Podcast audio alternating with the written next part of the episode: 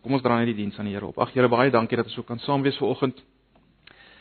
Dankie vir die wonderlike reën, die lieflike reën wat geval het. Wat ons maar net weer herinner aan die feit dat U leef en dat U lewe gee.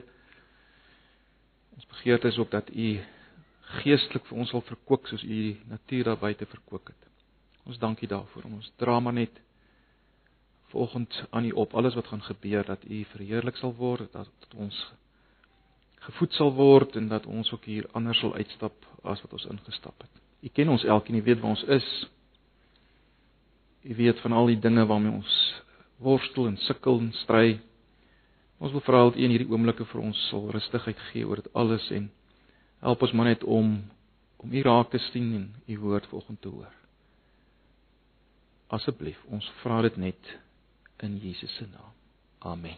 Ja, ehm uh, broers en susters, ons was nou vir so twee sonnae 'n bietjie weg gewees van eh, van Joshua, ons is terug uh, terug by Joshua. Maar ek wil begin uh, vanoggend met 'n met 'n vraag wat ek wil hê ons moet vir onsself afvra. En die vraag is bloot wat is geloof? Soos ek dit daar op die op die PowerPoint ook het. Wat is geloof? Wat bedoel jy as jy sê jy glo? Of as, as ek sê ek glo, of as ons sê ons glo, wat bedoel ons as ons sê ek glo? Weet ons wat ons bedoel as ons sê ons glo? Ek wonder. Ek wonder of ons weet wat ons bedoel as ons sê ons glo. Uh is geloof as ons sê ons glo, is dit maar dieselfde as 'n soort van 'n selfvertroue? Is dit bloot 'n optimisme? Is dit bloot om om bloot om te hoop op iets? Dis die vraag wat ons osself moet afvra is geloof om jouself te oortuig van iets. Dan glo ek, ek oortuig myself van iets en nou glo ek. Wat is geloof? Nou, ek vertrou dat uh dat ver oggend ons sal help om uh dalk 'n bietjie beter te verstaan wat die Bybel ten minste te sê het oor geloof, uh hoe ons moet dink oor geloof. Ek vertrou dat wat die Nuwe Testament te sê het oor Ragab ons hiermee gaan help. Julle sal onthou dat uh, ons het so wel, dis nou 3 sonna gelede, nee, ons het 3 sonna gelede, uh, net so voor die vakansie, het ons gekyk na Josua hoofstuk 2. Nou, ek gaan nie nou alles uh, herhaal nie. As as jy nie was nie, moet jy miskien maar die uh, serie kry. Uh ons het begin kyk, ons het ons gekyk na Josua 2 in in sy geheel. Ek weet jy moet onsself herinner aan 'n paar belangrike feite omtrent Joshua 2. Die eerste ding wat uh, ons mekaar gesê het en ons uh uh wat ons miskien net weer moet aanraak, net seker maak of jy nou uh goed. Uh Wat ons net weer moet aanraak is is is die, is die hele vraag waarom is hoofstuk 2 daar? Hoe hoekom sê ons dit? Wel, want as mens gaan kyk na Joshua 2, dan dan besef mens dis eintlik nie so belangrik die hoofstuk is nie essensieel nie. Dis nie noodsaaklik vir die vloei van die hele verhaal nie. Mens kon direk gaan van hoofstuk 1 na hoofstuk 3 en dit sou absoluut sin maak. Dit sou eintlik meer literêr 'n geheel vorm as mens dit so kan stel. So mens hoef nie regtig hoofstuk 2 in te sit nie. Daar's wel ook 'n klein gedeeltjie in uh in hoofstuk 6 uh waar daar verwys word na Ragab Uh ons sal ons sal nou daarna kyk ook, maar dis ook nie essensieel vir die kom ons sê die vloei van die verhaal. Hierdie verhaal wat spesifiek gemik is op die die ingaan in die land nie. So die vraag is waarom word hoofstuk 2 hier ingevoeg? En dan dink ek daar's daar's 'n paar belangrike dinge en ons het dit vir mekaar gesê, uh en ek ek wil dit net herhaal. Die, die, die, hoekom dit ingevoeg is is om klem te lê op die belangrikheid van geloof as hulle die land wil ingaan. Geloof in God is absoluut deurslaggewend vir die ingaan in die land. Hulle kan nie die land ingaan sonder geloof in God nie. En ons gaan nou in die aard van die saak vanoggend kyk wat presies bedoel ons met daai geloof, maar dit is belangrik dat ons dit sal onthou. 'n Volgende belangrike ding of, of wat ek eers uh, miskien moet ons net eers daarna kyk, uh die struktuur van hoofstuk 2. Julle sal onthou ons het daarna gekyk. En daar kan julle sien die die belangrikheid van geloof kom net uit die struktuur self na vore, né? Ehm uh, die gedeelte begin met die uit uitstuur van hierdie spioene of verkenners deur Joshua en dan kom hulle aan en julle bekommernis daar en dan hoe hulle beskerm word en dan kry ons daai daai geloofsbelijdenis. Ons gaan nou daarna kyk van van Ragab wat eintlik daai hele gedeelte dek van vers 8 tot 14 in sin en dan dan kom die res van die verhaal. So selfs net die manier hoe hierdie uh verhaal saamgestel is in hoofstuk 2 lê die klem op geloof, die belangrikheid van geloof. Luister net weer na Ragab. Uh die woorde daar te kan lees. Sy sê ek weet, ek haal maar net aan haar vanaf uh, uh, vers 9 so net na die begin van vers 9. Ek weet dat die Here die land aan julle gegee het en dat die skrik vir julle op ons geval het en dat al die inwoners van die land vir julle bewe, want ons het gehoor dat die Here die water van die Skelfsee voor julle by julle uittog uit Egipte laat opdroog het en wat julle die twee konings van die Amorite Sion en Og oor kan die Jordaan aangedoen het dat julle hulle met die bandvloek getref het. Toe ons dit hoor, het ons hart gesmeld sodat daar by niemand enige moed meer oorgebly het teenoor julle nie, want die Here julle God, hy is God in die hemel daarbo en op die aarde hieronder. Sweer nou tog vir my by die Here dat terwyl ek aan julle 'n guns bewys het, julle ook aan my familie 'n guns sal bewys en gee my betroubare teken dat julle die lewe van my vader en my moeder en my broers en my suster en almal wat aan hulle behoort sal spaar en ons siele sal red van die dood. Uh Dis 'n gewellige geloofsbelijdenis. En en en hoofstuk 2 is daar sodat dit moet raak gesien word hierdie geloof want onthou nou ons sê uh geloof is deurslaggewend vir die ingaan in die land en ons gaan later sien dat Hebreërs lê weer daarop klem. So dis een ding wat belangrik is van die boek. En en dan baie belangrik hierdie gedeelte onderstreep dat God is ernstig om die nasies te seën. Ehm uh, Julle sal weet dis die belofte aan Abraham, né? Nee. In jou saad sal die nasies geseën word. Hoofstuk 2 wys God is ernstig om die nasies te seën. Natuurlik sal dit eers in volle in die Nuwe Testament gesien word. Ons weet uh, as die uiteindelike saad, die uiteindelike nageslag van Abraham kom Jesus, Jesus en die wat aan hom behoort. Gaan lees maar net Galasiërs 3 vers 16 en 29 sien mense dit baie duidelik. So dis 'n volgende ding wat hoofstuk 2 as te ware uitlig en op die agenda plaas is God is getrou aan sy belofte aan Abraham om die nasies te seën. Dan baie interessant of belangrik, daar's ook 'n skok element of 'n waarskuwing hier in hierdie in die blote feit dat hoofstuk 2 hier is.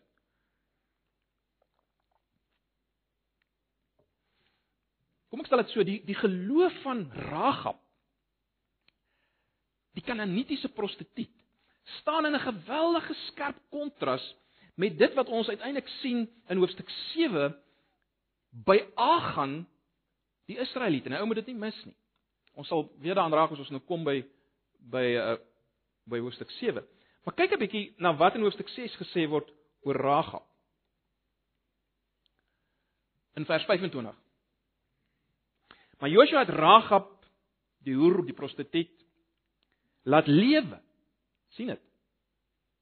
En haar familie en almal wat aan haar behoort het sodat sy onder Israel gewoon het tot vandag toe. Nou daai vandag is die punt waar waar die boek geskryf is waarskynlik, né? Nee. Dis nou nie ons vandag. Tot vandag toe omdat sy die boodskappers weggesteek het. Weggesteek het wat Josua gestuur het om Jerigo te verken. Dis wat van dis wat van Rahab gesê word. Kyk nou vir 'n oomblik wat word gesê van Agan in die volgende hoofstuk, in hoofstuk 7. Agan wat nie geleef het in die lig van dit wat hy as Israeliet behoort te geweet het, behoort te uh, verstaan het. Ek gaan nie nou hier in nie, maar net net dat julle dit sien. Kyk wat word vir Agan gesê. Daarop het Joshua en hele Israel met hom uh uh dis nou vers 24. Ek het net vers 25 daarop. Kom ek lees maar net van vers 24 af net in die geheel te vorm. Vers 24 sê daarop het Joshua en hele Israel met hom saam Agan die seun van Sera geneem met die silwer en die mantel en die goudstaaf en sy seuns en sy dogters en sy bes, uh, en sy beeste en sy esels en sy kleinvee en sy tent en alles wat aan hom behoort en hulle het hulle na die dal Agor gebring en dan vers vers 25 van hoofstuk 7 wat daar is en Josua het gesê hoe het jy ons in die ongeluk gestort? Die Here sal jou vandag in die ongeluk stort. Daarop het die hele Israel hom gestenig en hulle het ehm uh, en hulle met vuur verbrand en klippe op hulle gegooi. En hulle het 'n groot hoop klippe op hulle gestapel. Weer eens wat tot vandag toe daar is die punt waar daar geskryf is. So dit dis net iets wat ons ons sal waarskynlik weer aan raak maar dit, dit, dit Dit is 'n bietjie van 'n skok element wat uh, wat die skrywer hier inbou deur deur deur die deur die klem te laat lê op Ragab, die Kanaanitiese prostituut wat deel geword van die volk, Agan, Die Israeliet met alles wat hy geweet het en so meer en hy's uitgesny uit die volk. Maar goed, kom ons beweeg nou na die Nuwe Testament. Raag op in die Nuwe Testament. Dis eintlik waarna ons vanoggend wil kyk. Nou ons het al enkele dinge raak gesien 3 uh, weke gelede, maar uh, ek wil hê ons moet nou 'n bietjie uh, nader kyk na die, drie Nuwe Testamentiese gedeeltes. Daar's drie Nuwe Testamentiese gedeeltes waar Ragab genoem word. En die eerste een, uh, sal julle weet, is natuurlik in die geslagregister van Jesus, Matteus 1 vers 5. Dis die vers. Die bloot in die geslagregister, die geslagregister vloei en dan kom ons by vers 5 wat sê en Salmon die vader van Boas by Ragab en Boas die Boas die vader van Obed by Rut en Obed die vader van Isai. Nou. Wat is die punt? Dis geweldig belangrik om dit raak te sien dat Matteus Ragab die prostituut, die Kanaaniet, die leenaar insluit in die geslagregister van Jesus. Dat of dat hy wys dat sy ingesluit is in die geslagregister van Jesus. Dit is geweldig betekenisvol. Jy sien Matteus wil heel aan die begin van sy evangelie moet daar duidelik verstaan word vir wie het Jesus gekom? Vir wie is die evangelie wat Jesus gebring het? Die goeie nuus. Interessant, ont, onthou ek dink die meeste van julle sal weet dat dat Matteus skryf spesifiek vir die Jode. So dit is dis nog meer interessant dat hy van alle mense sorg dat Ragab hier in die begin van sy evangelie raak gesien word. Want hy skryf vir die Jode, né? Ons weet hy hy fokus op die Jode. Hy begin in vers 1 van Matteus 1 en hy en hy wys dat Jesus is die seun van Abraham. Heel aan die begin wys hy dat Jesus is die seun van Abraham. En deur Ragab hier in te voeg, weer eens kom hy ook aan bevestig dit wat ons nou net oor gepraat het dat uh dat God die nasies wil seën, Abraham se nageslag. In hierdie Jesus wat die seun van Abraham is. In hom, in hierdie nageslag van Abraham word ingesluit mense soos Ragab, die prostituut en die Kanaaniet. Dit is baie insiggewend. Uh, julle sal sien ek het rit net so uh, onderstreep daar. Dit is baie insiggewend dat dat rit ook hier ingevoeg word. Want rit onderstreep dat Ragab wat hier verskyn nie 'n glips is nie. Onthou rit is 'n Moabitiese vrou. Nou hoekom is dit belangrik? Wel ek ek, het net die teks vir julle op die op die PowerPoint, maar luister net aan Deuteronomium 23 vers 3. Deuteronomium 23 vers 3 lees so: Geen Ammoniet of Moabiet mag in die vergadering van die Here kom nie. Selfs hulle 10de geslag mag nooit in die vergadering van die Here kom nie. En dan vers 6 van Deuteronomium 23: Jy mag hulle vrede en hulle geluk solank as jy lewe vir ewig nie soek nie. Dis wat gesê word van die Moabiete. Nou, dit is natuurlik omdat hulle afstam, julle sal weet eintlik uit uit 'n bloedskandelike verhouding tussen Lot en sy dogters. Uh, julle ken daai geskiedenis in Genesis 19:37 en 38. En natuurlik later is dit hulle die Moabiete wat wat wat die volk vervloek daar in Numeri 22 tot 24.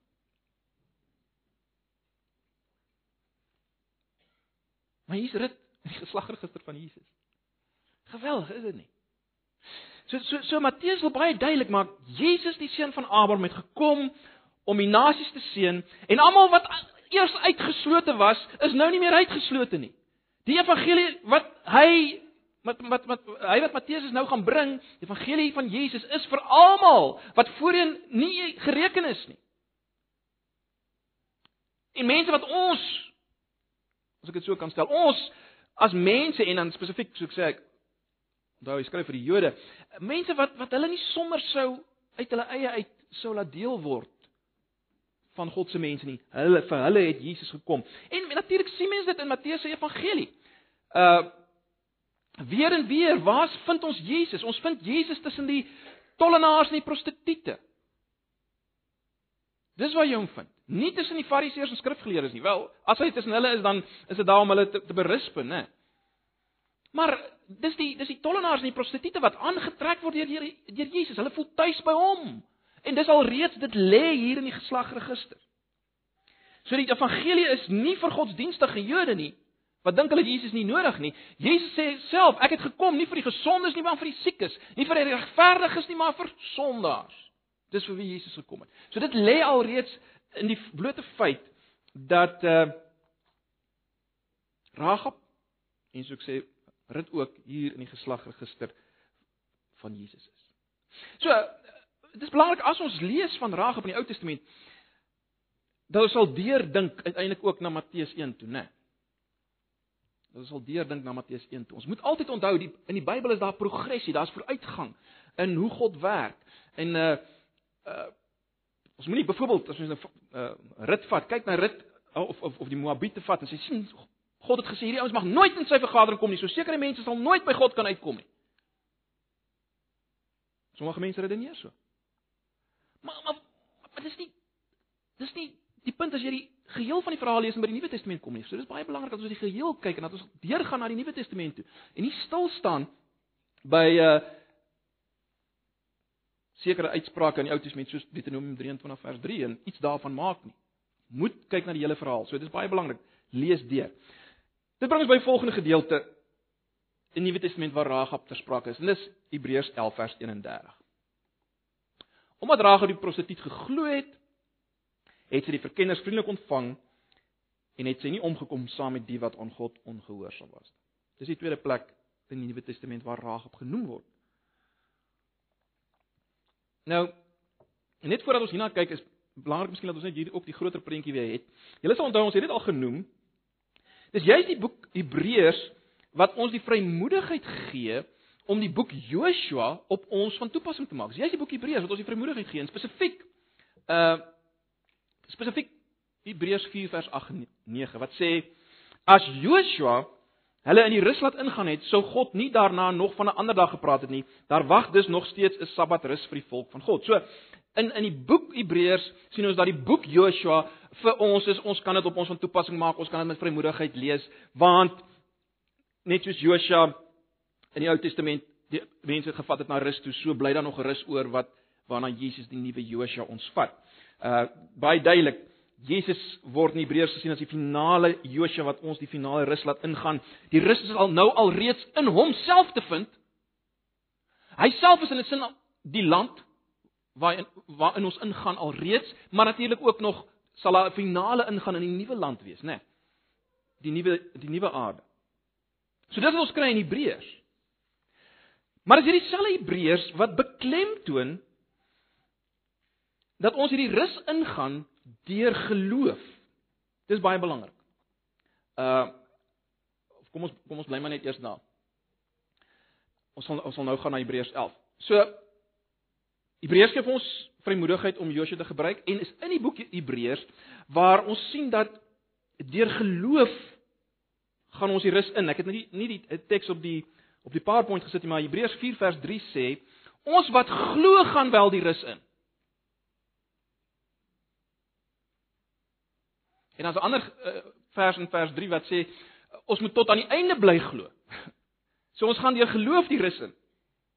Uh As mens uiteindelik kom by hoofstuk 10, julle sal dalk nog kan terugonthou toe ons Hebreërs gedoen het. As mens uiteindelik kom by hoofstuk 10 vers 22, dan is daar die vermaaning uh om na God te kom met volle geloofsekerheid. Dis hoe Hebreërs sê moet ons kom na God. Ons kom met volle geloofsekerheid. En dan in hoofstuk 10 uh, se einde in vers 35 tot 39 is daar die oproep weer eens om tot die einde toe te bly glo. Dit wat reeds in hoofstuk 3 uh vers 14 ook genoem word. Bly tot die einde toe glo. So dis Hebreërs. Alraai, so is belangrik om te sien waar Hebreërs vandaan kom. Hebreërs wil definitief hê ons moet ons moet die verband raak sien met met Joshua en geloof en die ingaan in die land, né? Nee, daai goeters staan in verband met mekaar. Ons moet dit duidelik raak sien en dit bring ons by hoofstuk 11. In hoofstuk 11 vers 1 en vers 6 word spesifiek gepraat oor geloof. Kom ons lees dit miskien net eers. Ons ek het sommer beide vertalings daar Eh, gesit dan eh, dan het ons dit alles daar. Die geloof dan is 'n vaste vertroue op die dinge wat ons hoop, 'n bewys van die dinge wat ons nie sien nie. Dis nie net in 53 vertaling. Om te glo, sê die 83 vertaling, is om seker te wees van die dinge wat ons hoop, om oortuig te wees van die dinge wat ons nie sien nie. En dan vers 6 is die volgende vers wat baie belangrik is. En sonder geloof is dit onmoontlik om God te behaag, want hy wat tot God gaan moet glo dat hy is en 'n beloner is van die wat hom soek. Dis in 1953 vertaling. Die 83 vertaling sê as 'n mens nie glo nie, is dit onmoontlik om te, om te doen wat God wil. Wie tot God nader moet glo dat hy bestaan en dat hy die wat hom soek beloon. So dis hoe dis hoofstuk 11 begin.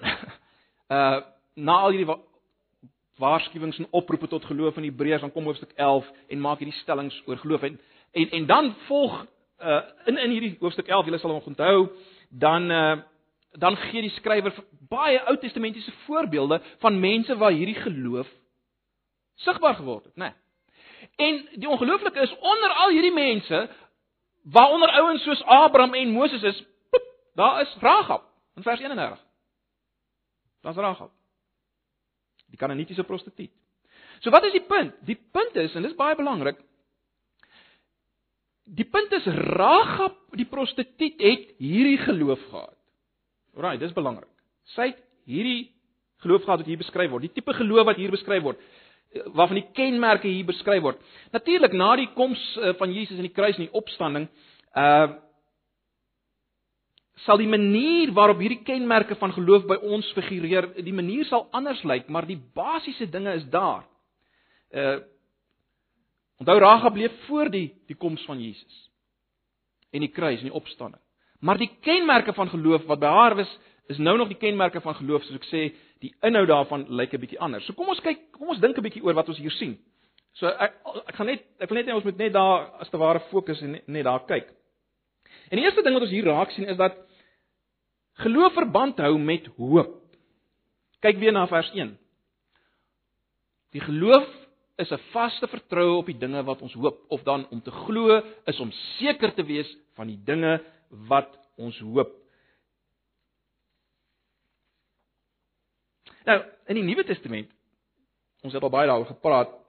As daar gepraat word van die hoop of die dinge wat ons hoop, het dit te maak met die dinge wat kom met die wederkoms van Jesus of na die wederkoms van Jesus. Dis dis die dinge waarop waaroor ons hoop. Dit is wat ons nog nie kan sien nie. Nou, vir Ragab was dit natuurlik anders, né? Nee, Ragab se hoop het meer te doen gehad met wat God vir haar kon doen in die aardse land wat Israel nou sou in besit neem. Maar in die Nuwe Testament het hoop hierdie hierdie ander betekenis van dit wat kom, dit wat wag, dit wat God vir ons in gereedheid hou maar wat ons nog nie kan sien nie. Dit kan natuurlik ook na meer dinge verwys uh as wat net gaan kom by die wederkoms of na die wederkoms. Dit kan verwys na die die hele kom ons noem dit geestelike realiteit wat ons nie kan sien nie.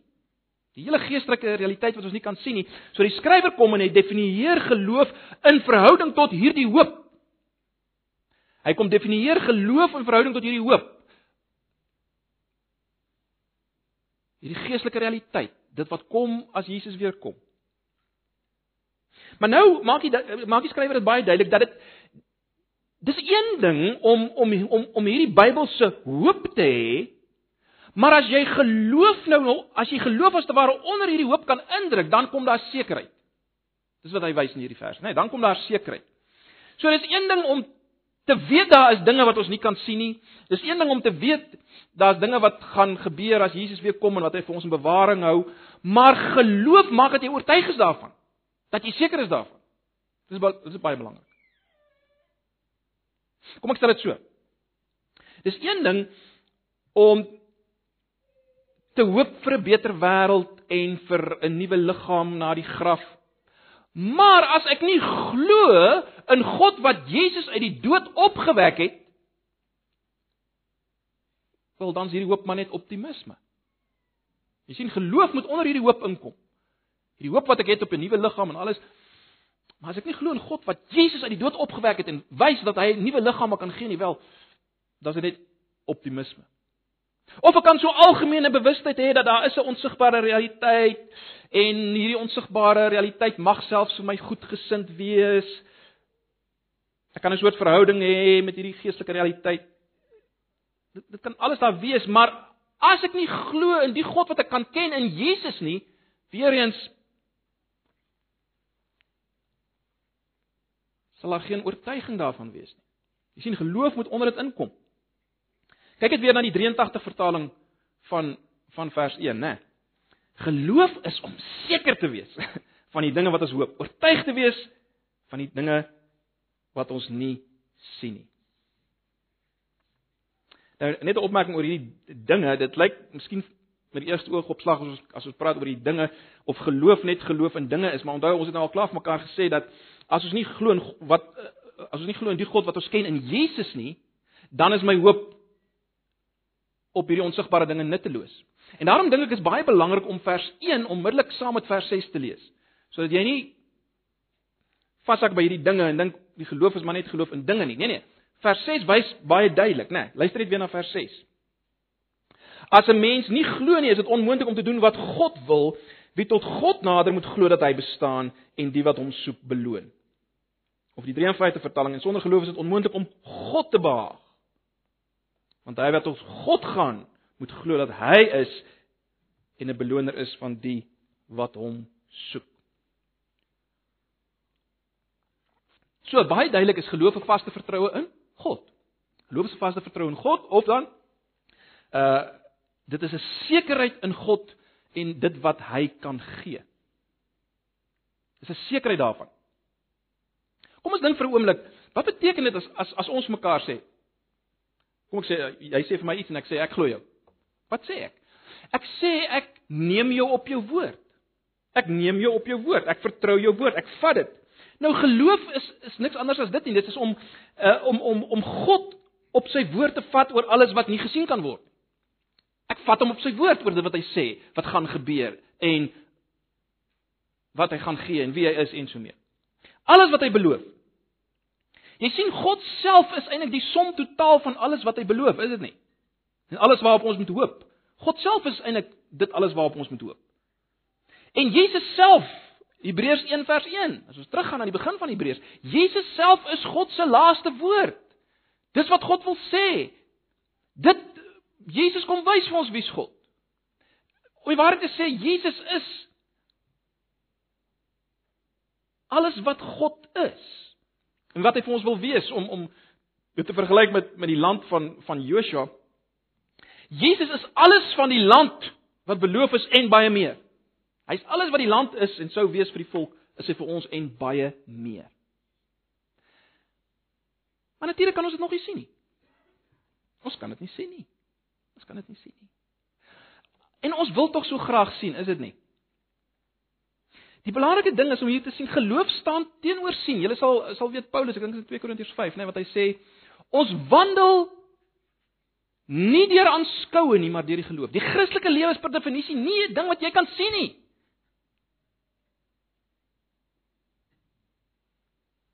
Dis geloof. Dis uiters belangrik. Maar tog is dit sekerheid. jy kan dit nie sien nie, maar tog is dit sekerheid. Dit is 'n geweldige ding wat hier uitgelig word. Geloof is die sekerheid, die oortuiging volgens vers 1b van die 53 vertaling. Dit is die bewys sien ons daar 53 vertaling. Dis die bewys. Geloof self. Sien as nie ander bewys nie. Geloof self is die bewys van die dinge wat ons nie sien nie. Dis geweldig. Hoekom wanneer is 'n vertroue in die God wat is? Dis 'n bewys van die dinge wat ons nie kan sien nie. Hoekom wanneer is 'n vertroue in die God wat is?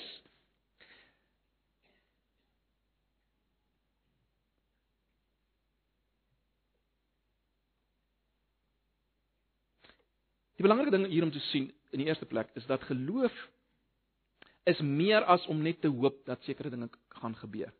Geloof is sekerheid. Mense, dit is so belangrik om dit raak te sien. Geloof is in sigself om oortuig te wees. Uh, Calvin het al hierdie ding gesê in sy definisie van geloof wat hy gesê geloof is om seker te wees van God se welwillendheid teenoor my in Christus Jesus. Ek hoef nie na ander dinge te kyk om seker te word of ek seker is nie. Christen is baie geneig om te kyk, is daar ander dingetjies wat wys of ek maar, maar hier sien ons geloof in sigself is hierdie sekerheid. Ons sal nou praat oor oor die ander kant van geloof as ons kom by Jakobus. Maar hier sien ons baie duidelik, geloof is om seker te wees. Ehm uh, En baie belangrik, dit word nie gekoppel aan enige vorm van intellek of status of wat ook al nie. Dit enige mens kan dit wees. Dis vir enige mens om so seker te wees, ook vir Ragab die prostituut. In vers 6 sal jy verder sien kom die skrywer tot 'n gevolgtrekking omtrent hierdie geloof as hy sê en sonder geloof die 53 vertaling is dit onmoontlik om God te behaag. Want hy wat tot God gaan moet glo dat hy is en 'n beloner is van die wat hom soek. Of dan die 83 vertaling as 'n mens nie glo nie, is dit onmoontlik om te doen wat God wil. Wie tot God nader moet glo dat hy bestaan en dat hy die wat aan hom soek beloon.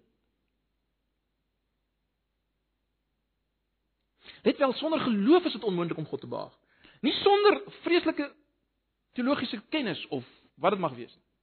Of sonder enige of sonder besondere belewinge nie. Sonder geloof is dit onmoontlik om God te behaag. Met ander woorde, jy kan nie eers begin om God gelukkig te maak, as ek dit so kan stel. Jy kan nie eers begin om God te aanbid as jy nie glo nie. Jy kan nie begin om te doen wat God wil as jy nie glo nie. Maak nie saak wat jy doen nie. Wat jy beleef nie. Wat jy weet nie. Maak nie saak ons moet dit mooi hoor. Maak nie saak wat jy weet nie. Maak nie saak wat jy weet nie.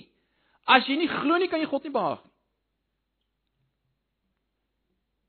Dit is onmoontlik as jy hom nie op sy woord vat. Kan jy hom nie behaag nie. Om God gelukkig te maak, moet jy glo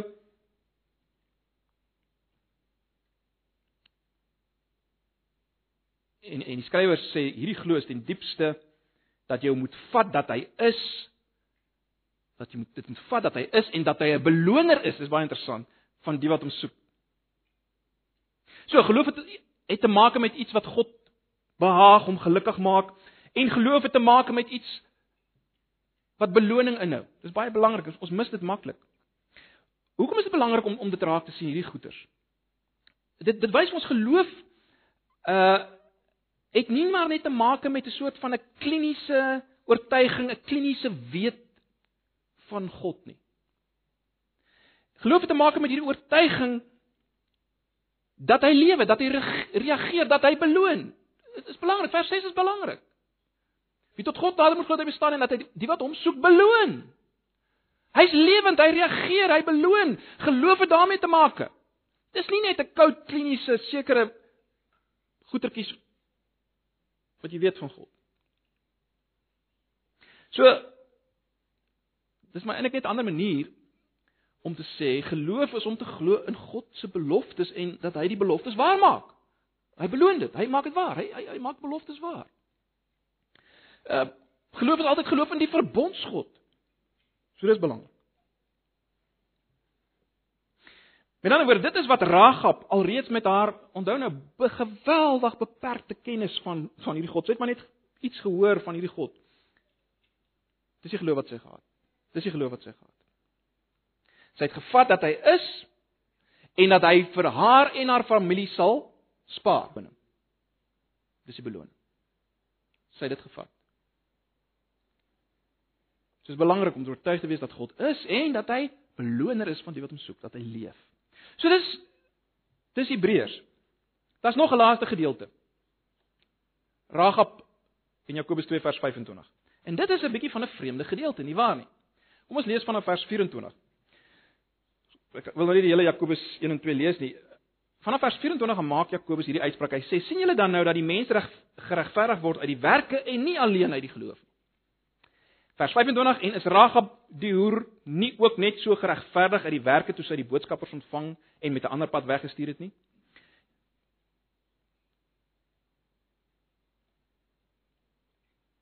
Dis die 53, miskien kan jy die 83 ook jy sal weer die 83 praat van vryspraak in plaas van regverdiging. Uh 83 sê jy sien dis dat 'n mens vrygespreek word op grond van sy dade en nie net op grond van sy geloof nie en dan praat hy van Ragab in vers 25. Nou, Op die oog af lyk dit of hier 'n gewellige probleem is, nie waar nie? Dit lyk of hier 'n absolute teenstrydigheid is. En verseker lyk dit so. Uh, Veral as mens dink aan dit wat Paulus in Romeine sê, ons het nie lank terug Romeine gedoen nie, maar Paulus eksplisiet sê die mens, dis baie duidelik sê hy, die mens word gered deur die geloof alleen en nie deur die werke nie. En hier kom Jakobus en hy sê iets wat op die oog af lyk dit totaal die teenoorgestelde. Hier sien ons dat Ragab wat deur sy deur wat sy gedoen het geregverdig is. Sy is verklaar in die regte verhouding met God, soos uh, Abraham in Genesis 15 vers 6. Nou, dis baie belangrik om dit te verstaan dat Romeine, Paulus in Romeine en Jakobus in sy brief veg as te ware teen twee verskillende vyande. Ek dink Nico het altyd daai beeld gebruik. Hulle veg twee hulle veg teen twee verskillende vyande. Maar dis belangrik. Paulus beveg as te ware die dwaling wat sê dat 'n mens kom in die regte verhouding met God, in die regte verbondsverhouding met God deur die dinge van die Torah te doen. Die stipulasies na te kom, al die grensmerkers van Jood wees na te kom wat die besnydenis insluit en die uh, voedselwette en en die doen van die 10 gebooie en al daai dinge. Dit maak dat jy in die regte verhouding met God kan kom. En Paulus sê nee, absoluut nie. Die mens kom alleen in die regte verhouding op grond van dit wat 'n ander Jood in jou plek geleef het, Jesus. Alleen deur vertroue in hom en wat hy in jou plek gedoen het wat jy nie kan doen in elk geval nie. Op grond daarvan word jy geregverdig. Geloof alleen, geen werke nie. Die wat geregverdig word is die wat soos Ragab as prostituut, as kananiet, as een wat totaal niks het wat hulle kan bring vir God nie. Maar God op sy woord neem geregverdig word op grond wat Jesus in hulle plek gedoen het. Dis terloop soos Abraham ook geregverdig is in Romeine eh, volgens Romeine 4, né? So Paulus sê jy word geregverdig deur geloof alleen, want hy veg teen hierdie ouens wat weer wil terugval op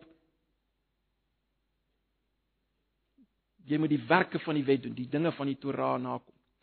Jakobus veg om dit so te stel teen die ouens wat sê geloof is maar net 'n intellektuele besluit. Daar hoef niks in jou lewe te wys of na vore te kom nie.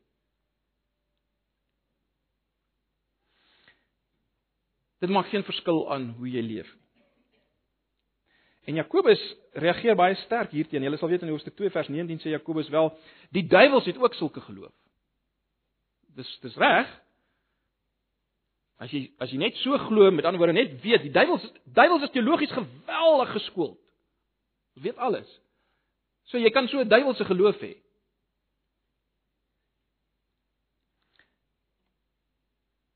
Maar Jakobus sê nee, hy sê die geloof waardeur ons in die regte verhouding met God kom, die geloof wat Ragab gehad het, is die geloof wat wat wys wat sigbaar word. Kom ek stel dit so. As jy glo dat jy gered word deur Jesus alleen, sal dit wys uit wat jy doen. Met ander woorde, As jy jou weer laat besny en probeer om al die Joodse goed na te kom om God te behaag en om in die regte verhouding met God te kom, wys dit dat jy nie glo nie, dat jy nie geloof het nie. So daardie dinge wat jy doen, wys dat jy nie geloof het. Dit is belangrik om om te, om hierdie verband te sien. Of anders gestel, as jy maar net voortgaan om te lewe soos jy as heiden gelewe het, as jy heiden was, Met ander woorde nie Jood was nie, jy gaan maar net voort om te lewe, dink aan Petrus, as jy gaan voortgaan om te lewe soos jy geleef het toe jy toe jy deel was van al die heidense dinge, wys dit dat jy nie glo in die Jesus wat juis kom red van hierdie dinge nie. So met ander woorde, jou optrede sal in lyn wees met wat jy glo as jy wil. En al die voorbeelde in gelo in in Hebreërs 11, ons het nou nie almal gelees nie, maar al daai voorbeelde in Hebreërs 11 bevestig dit dat hierdie ouens dit wat hulle optrede Of dit nou Noag was wat die ark gebou het. En of dit Ragab was wat die verkenners weggesteek het. Die feit dat hulle geglo het, het gewys uit hulle manier van optrede, dit was in lyn daarmee. Hoe weet ons Ragab het geglo? Wel, sy het die verkenners, die spioene weggesteek. Hoe weet ons iemand glo dat Jesus is wie hy is en dat hy gedoen het wat hy gesê het hy het gedoen vir my op Golgotha? Hoe weet ons dit? Wel, so 'n persoon sal sy rug draai op sonde, natuurlik. En hy sal hy sal hy sal bekeer van sy eie geregtigheid en hy sal vashou aan Jesus. Baie belangrik. Dat ons ook dit sal insien. Hierdie hierdie hierdie hierdie werke sluit in 'n wegdraai van jou eie geregtigheid, jou eie manier om God te behaag. Ons moenie dit weer verwar en die werke daarin sit nie. Dink aan Filippense 3. Eh, gaan lees weer Filippense 3 want daar sien ons dat Paulus sien uh, op bely in Filippense 3 dat dat beide sy sonde en sy beste dade. Luister mooi. Beide sy sonde en sy beste dade, sê Paulus, was maniere om Jesus as te ware te vermy as verlosser.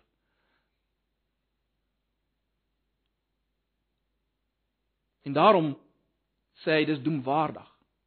En daarom sê hy beskou alles as drek, al daai goeie goed wat hy gedoen het as Jood ter wille van Christus. Jy sien Paulus het gesien dat God wil nie hê hy moet meer godsdienstig word nie. Paulus het ges, het by die punt gekom waar hy gesien het wel ja, dit is so ek het ek het ek het ek het dikwels misluk om te doen wat God wil hê ek moet doen, maar ek het 'n dieper probleem en dis my rede waarom ek dit gehoorsaam het. Want jy sien my rede waarom ek dit gehoorsaam het was dit ek het gedink ek kan my eie verlosser wees. Ek het gedink ek het Jesus nie nodig nie, ek kan self hierdie dinge doen en dit wys dat ek nie geloof het nie. Hoe wys Paulus se geloof?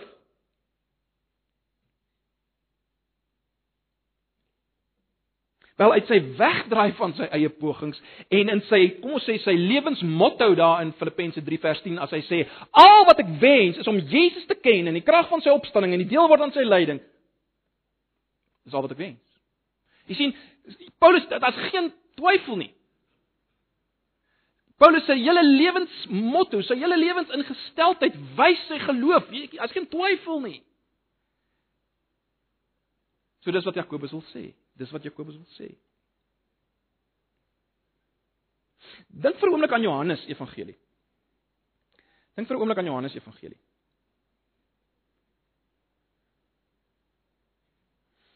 Waar geloof uitgebeeld word as die as eet en drink. Jesus sê wie my vlees nie eet en my bloed nie drink nie, het nie deel aan my nie. Geloof word uitgebeeld as eet en drink in Johannes Evangelie. Kyk, Jy kan onmoontlik sterwe van honger. En en nie 'n heerlike bord kos wat voor jou neergesit word eet nie. Of anders gestel, jy kan onmoontlik sterwend wees van dors en nie heerlike water wat voor jou gebring word drink nie. As jy sterwend van honger is en sterwend van dors. En jy jy sê as te ware ek weet hierdie is wonderlike heerlike kos en jy sê as te ware ek weet hierdie is absolute wonderlike verkwikkende water maar jy eet dit nie of jy drink dit nie wel dan wys dit mos jy glo dit nie. Jy glo nie wat jy sê nie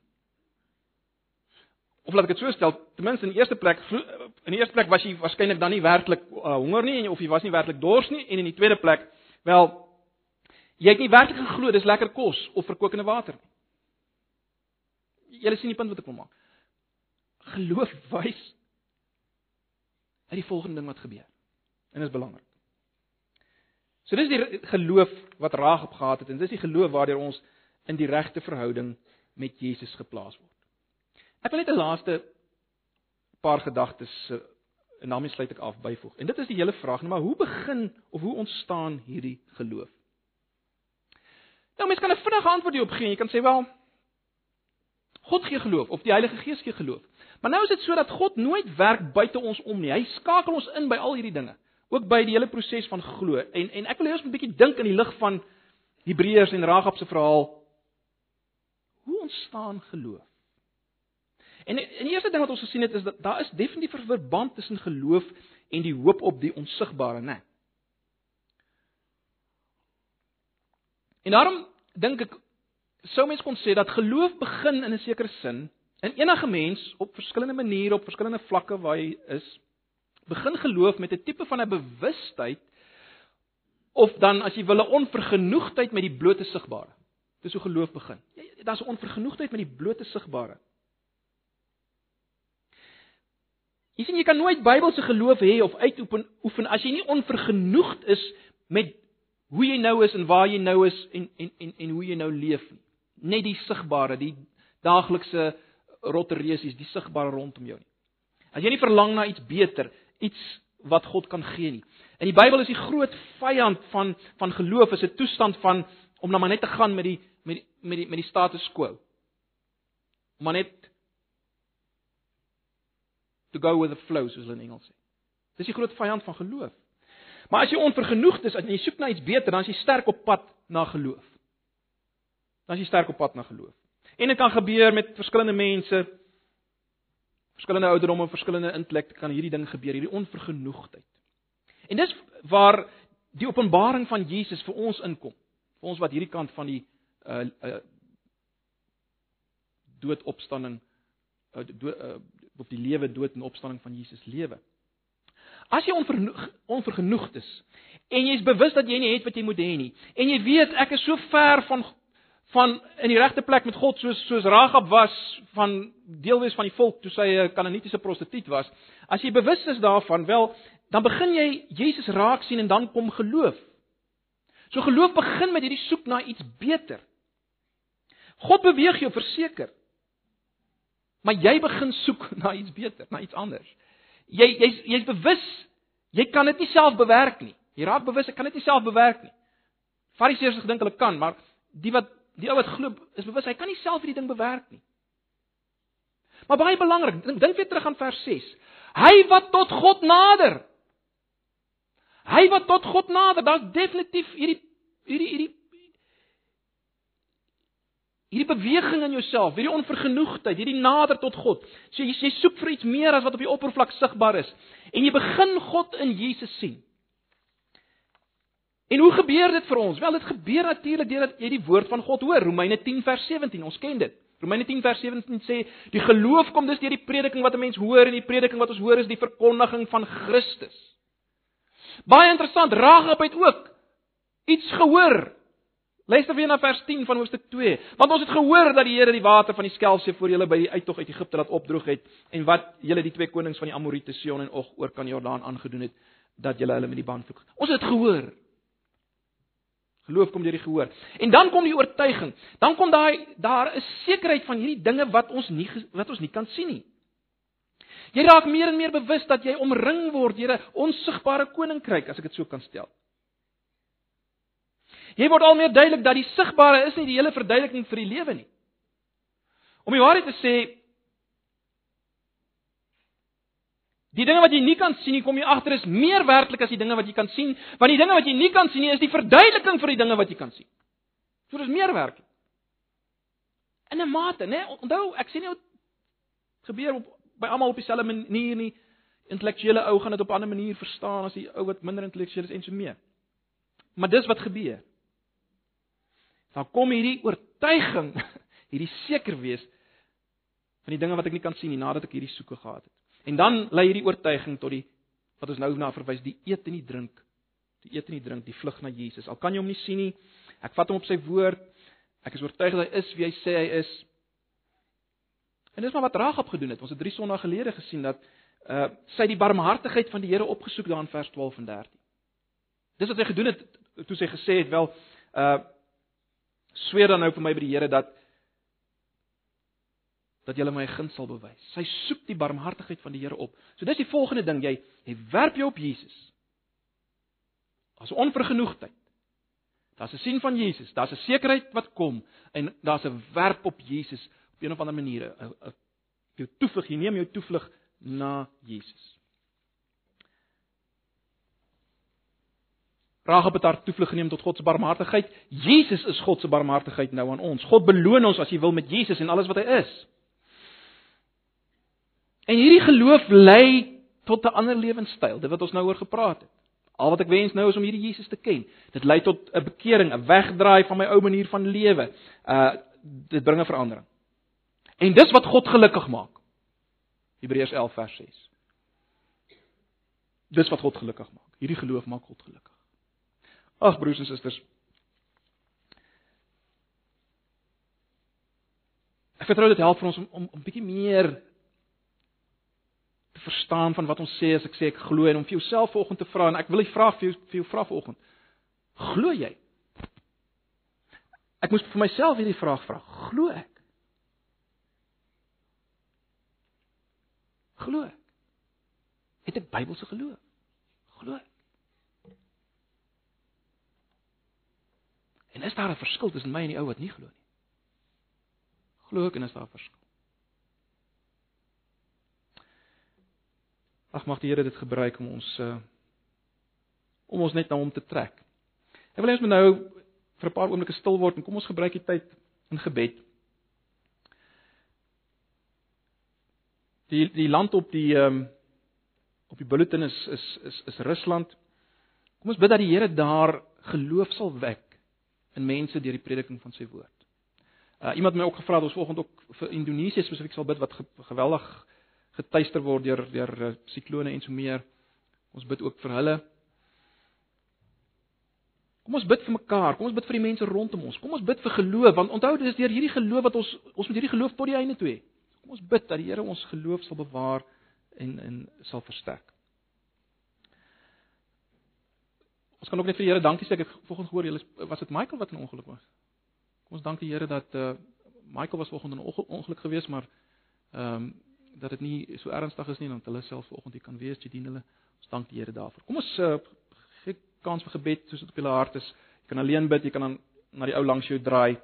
Ehm um, kom ons bring hierdie dinge voor die Here en ehm uh, as jy dalk vanoggend iemand is wat nog nooit werklik sy toevlug geneem het na Jesus nie, kan jy dit ook nou in hierdie oomblikke doen. Kom na Jesus. Vat hom, eet hom, drink hom. Vat dit wat hy sê. Jy kan dit nou doen. Kom ons bid saam.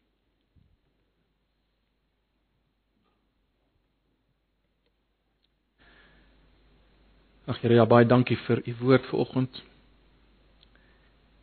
Dankie dat ons na u toe kan kom net soos ons is deur geloof.